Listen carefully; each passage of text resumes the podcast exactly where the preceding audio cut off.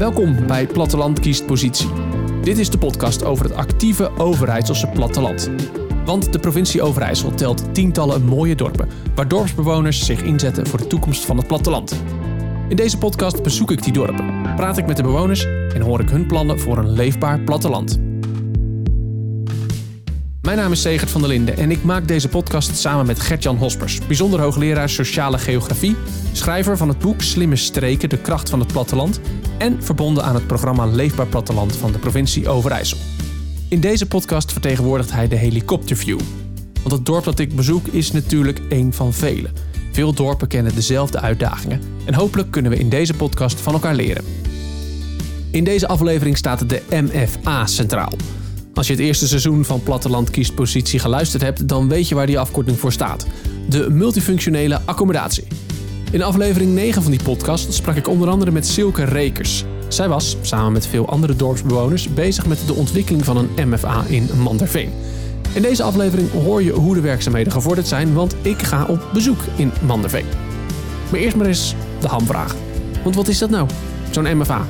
Dat is eigenlijk een nieuwe versie van het goede oude dorpshuis. De plek in het dorp uh, waar je samenkomt, vergadert, uh, maar ook uh, bijvoorbeeld gaat stemmen. af en toe een maaltijd kunt gebruiken. Voor de ouderen is dat meestal iets. Voor de kinderopvang is dat soort zaken. Dus het huis van het dorp eigenlijk. Zo'n MFA heb je in allerlei verschillende uitvoeringen. Sommige zijn heel bescheiden. Andere dorpen kiezen voor een heel uitgebreid concept. Je ziet eigenlijk al meteen dat er allerlei ja, gradaties zijn in, in die MFA's. En uh, dat hangt natuurlijk ook van de omvang van het dorp af. Uh, nou ja, ook, uh, ook of je er voldoende vrijwilligers voor hebt. of de vraag naar is. Of er ook commerciële voorzieningen zijn in het dorp. Hè. Bijvoorbeeld als je, als je een café in het dorp hebt, dan, dan is het natuurlijk minder nodig om in een dorpshuis ook een horecavoorziening ja, ja. Kan elkaar misschien ook, kan ook wel dwars zitten. Elkaar Zeker, ja, ja. Dan krijg je uh, dat dan horeca zegt, ja, uh, wij vinden het oneigenlijke concurrentie. Ja. Hè? Want het is natuurlijk toch een soort publieke voorziening, zo'n zo'n dorpshuis. Je kunt natuurlijk een hele ja, basis-MFA hebben, het klassieke dorpshuis. Hè? Die, die, die verhuurdzalen, hè? de biljartclub, maar ook uh, verenigingen komen daar samen. Redelijk klassiek. Dat is het basismodel, maar je kunt het helemaal uitbouwen. tot het Zalkse model nou, inderdaad. Nou, ja. Zalk wordt vaak genoemd. Dat is een heel ondernemend dorpshuis eigenlijk. En dat is, dan is het echt het huis van het dorp. Ik zeg er wel meteen bij, in Zalk is dat ook niet zo moeilijk, want er is voor de rest ook niet zo veel. Hè. Het is een klein dorp. Mm uh, en uh, dan, is, uh, dan, dan kun je ook als um, ehm, MFA veel activiteiten ondernemen. Ja, ja dus weinig concurrentie zeg je eigenlijk. Precies, hè. ga je naar Heino kijken, toch een veel grotere kern. Ja, daar heb je ook een, een winkel die zelf al bezorgafhaalpunt ja. is. In juli van dit jaar bracht ik een bezoek aan Manderveen. In het eerste seizoen van Platteland Kiespositie hoorde je al een deel van hun verhaal. Toen was de bouw van hun MFA nog niet begonnen. Inmiddels staat er al een flink gebouw in het dorp. Gedeputeerde Roy de Witte is in deze aflevering niet alleen betrokken als initiatiefnemer van het programma Leefbaar Platteland. Hij is, samen met zijn vader, onze gids door het pand. Hier komt de onderbouw. Ja? De bovenbouw die komt boven. Oh ja, nou ja. Ja, letterlijk even duren. Wat leuk man, om een keer bij jou op te zijn. Ja, welkom in uh, Manderveen, hè, de plek waar ik geboren en getogen ben. En uh, de plek die ik graag laat zien aan andere mensen. Dit project is ook belangrijk voor jou, ook, ook een beetje voor jouw politieke ontwikkeling, vertelt hier net. Ja, dat, is ooit hier begonnen, ook met de woningbouw uh, in Manderveen. Dat is uh, mijn motivatie geweest en ook activering om de politiek in te gaan. En intussen is er van alles bijgekomen, zoals maatschappelijk vastgoed, fietspad, de ontwikkeling van een dorp, het bouwen van jongeren. En dat staat een beetje centraal voor de portefeuille die ik mag hebben als, nou zeggen, als, als wethouder en als gedeputeerde. Ja. Wat zegt dit over Manderveen, dat er zo'n groot project kan komen. Ja, gemeenschapskracht, dat zie ik veel op platteland. Ik denk dat Manderveen dat ook in zich uh, heeft. En mensen die zich uh, graag inzetten voor een ander, ook bereid zijn om daarin te investeren. Ja, je ziet hier door de samenwerkzaamheid hè, dat dit soort uh, grote ontwikkelingen kunnen. en anders was dat niet op deze manier was dat niet gelukt. en ja, dat, dat maakt je gewoon een inwoner onwijs trots. En, en dat maakt het dan ook succesvol.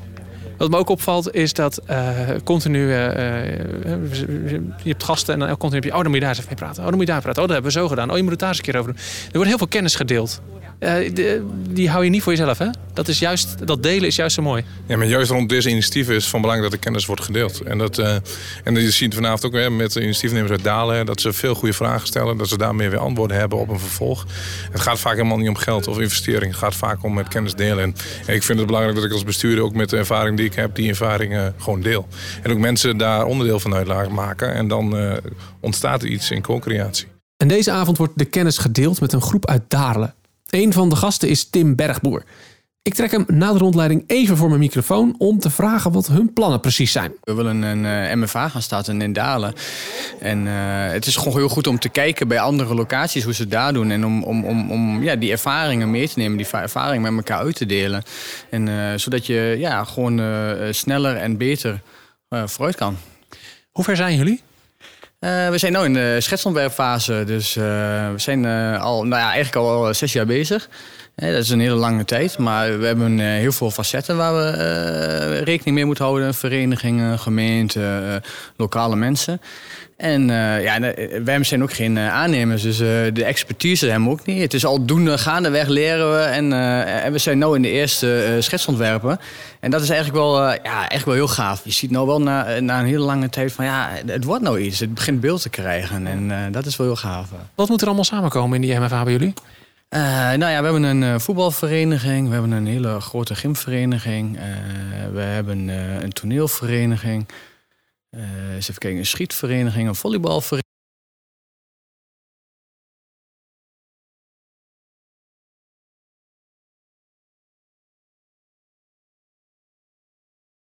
vereniging.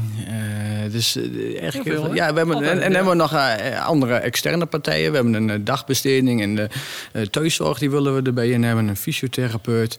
Dus uh, ja, eh, het is heel mooi. Uh, het, is, het zijn heel veel. Ja. Nou zijn we vanavond hier in Mandeveen. Wat, wat neem je mee van vanavond? Wat heb je opgepikt? Uh, ja, proberen toch nog meer gewoon samen te werken met de gemeente en de gemeente meer mee te nemen. Ik hoop ook dat de, de, de, de collegeleden daar zelf ook uh, inzicht in krijgen. Dat ze gewoon met ons mee moeten gaan denken. En dat we samen gewoon uh, iets moois kunnen bouwen. En dat, dat we ook onze dorpsgenoten echt erbij moeten gaan betrekken. En dat we straks als we gaan bouwen eigenlijk heel veel ja, vrijwilligers krijgen die meer willen helpen. Zodat we samen iets moois bouwen. Wat ook echt gaat leven in het dorp. En ja, dat, dat, dat haal ik hier ook wel uit. Ja. Samen doen. Wat, wat is de grote uitdaging voor jullie nog? Waar zit die er nog in, denk je? Uh, nou ja, nu zit een grote uitdaging om het financieel maar rond te krijgen. Dus, uh, we Wat moeten... praat je over dan? Nou ja, we weten het nog niet zeker. We hebben dus het eerste schetsontwerp hangen nog niet echt een prijskaartje aan. Maar wij schatten, vooral in de huidige markt, dat je echt daar uh, eh, 4 miljoen in gaat. ja. ja. dus dat is wel, is wel heel veel. Ja, en dan wanneer? Wat is de planning? Wat hoop je? Ja, ja, dat vind ik altijd een hele lastige vraag. Dat is een vraag die ik altijd heel vaak krijg. En, en we hebben al heel vaak gezegd, weet je, met zes jaar moeten te staan. En uh, ik zit nu uh, twee jaar in plaatselijk belang. En een periode bij ons duurt eigenlijk zes jaar. Dus ik, ik heb altijd gezegd, nou ja, als, we, als ik klaar ben, dan moeten we echt aan het bouwen zijn. Nou, en daar lijkt het ook wel echt op. Ik denk dat we al eerder aan het bouwen zijn. Dus ik hoop nu dat we met een uh, nou, anderhalf, twee jaar... dat we echt wel kunnen gaan beginnen met bouwen. Tijdens de rondleiding geven Roy en zijn vader heel veel tips aan hun bezoekers uit Dalen. 75.000 euro, dat is allemaal via Jantje Beton zo. Die zijn daar een beetje op gespecialiseerd. Dus dat geld moet je uit de gemeentelijke financiering halen. Kennis delen is dan ook het belangrijkste doel van dit bezoek. Kennis over vrijwilligers, financiën en ook over de verstandhoudingen met de politiek. Want dat heb ik in het eerste seizoen van Platteland kiest positie wel geleerd. Het is belangrijk om die verstandhouding goed te hebben. En wat dat betreft is het waarschijnlijk een goed teken dat de delegatie uit Daarle hun wethouder Annemarie Dubbink hebben meegenomen. Hoe staat het er daarvoor? Want uh, wat ik in de podcast ook wel eens hoor is dat de band tussen de gemeente en initiatiefnemers die is heel belangrijk. Die moet goed zijn. Uh, en als die niet goed is, ja, dan is dat een hele grote drempel. Hoe is dat bij jullie? Klopt, dan wordt het inderdaad een uitdaging. Nou, ik denk dat het heel belangrijk is dat je en gemeenten en initiatieven die uit de samenleving ontstaan, dat je juist schouder aan schouder staat. Dat je echt. Uh, nou ja. ja. Ja, dat is goed. Maar hoe is het bij jullie? Nou, bij ons is het hartstikke goed. Nee, het kan natuurlijk altijd beter. Het zijn altijd dingen die schuren en uh, wat net iets minder gaat. Maar ik denk dat het goed is om dat gewoon goed met elkaar ook uh, te bespreken. Wat neem jij mee van deze avond? Nou, ik vind het vooral mooi om te zien, zeg maar, uh, de energie die dan ontstaat. En ik denk, uh, uh, nou ja, die kunnen we mooi omzetten, denk ik, in daadkracht. En nou ja, dat neem ik vooral mee. Ja, ja. En heb je ook nog huiswerk mee?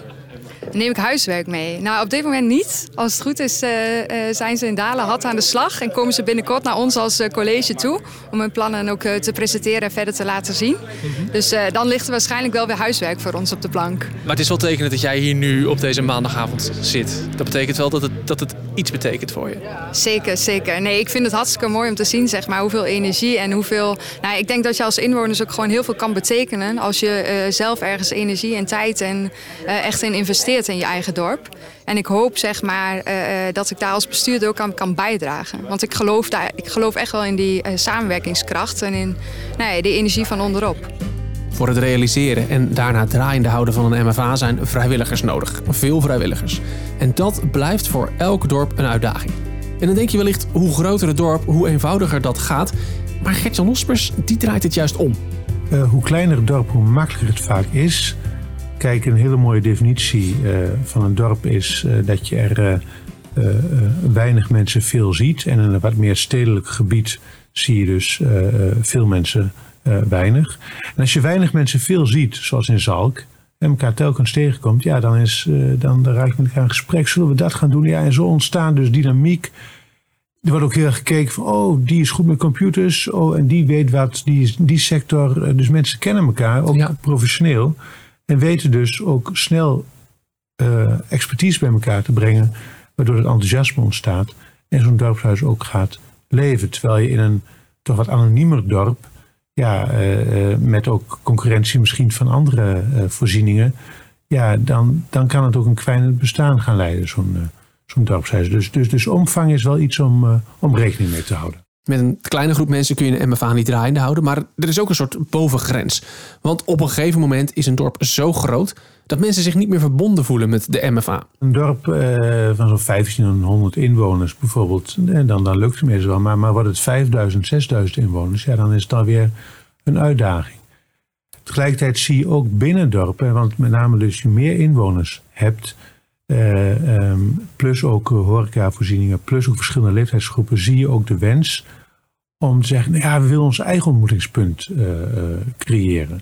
Zo zie je in het dorp waar ik zelf ben opgegroeid in Lonneker, weliswaar een dorpshuis, maar we hebben ook een café waar veel mensen samenkomen. We hebben een, een hele mooie molen, de Lonneker molen, die ook als een soort ja, ontmoetingspunt fungeert, terwijl de voetbalkantine eh, voor de jeugd ook de plek is eh, waar ze graag samenkomen om eh, met elkaar te netwerken en een biertje te drinken. Ja, dus dan zie je dus dat, het, dat verschillende groepen op een, op een verschillende plek bij elkaar komen. Ja. Niet, niet zoals dus in, in een MFA bijvoorbeeld in Mandaveen van zeggen we willen echt dat iedereen, elke vereniging, elke leeftijdsgroep, dat iedereen bij ons binnenkomt en bij ons hè, zijn, zijn vergaderingen, zijn feestjes, alles organiseert. Maar dat het dus toch weer een beetje de gescheiden plekken worden. Ja, voor de eigen uh, leeftijdsgroepen of, of de eigen hobby's, interesses. Maar dan krijg je toch een, een, een risico. Uh, de, de, de, zogenaamde wet van de aardbeiensham, die ik uh, vanochtend weer bij het ontbijt heb uitgetest, dat doe ik nog steeds. Namelijk, hoe meer je het uitsmeert, hoe dunner het wordt. Dus allemaal leuk die voorzieningen. Je kunt er vier hebben als dorp, ontmoetingsplekken. Maar ze zijn misschien uiteindelijk allemaal net iets te klein om rendabel te zijn. Zoals gezegd, een multifunctionele accommodatie kan heel veel verschillende vormen aannemen. In seizoen 1 van Platteland kiest positie hoorde je ook het verhaal van Zalk. Hun MFA is groot. Heel groot. Sportverenigingen, een fysiotherapeut, de lokale omroep, een pakketpunt en nog veel meer. Je kunt het er allemaal vinden. En op die manier wordt de MFA ook een economische factor in het dorp.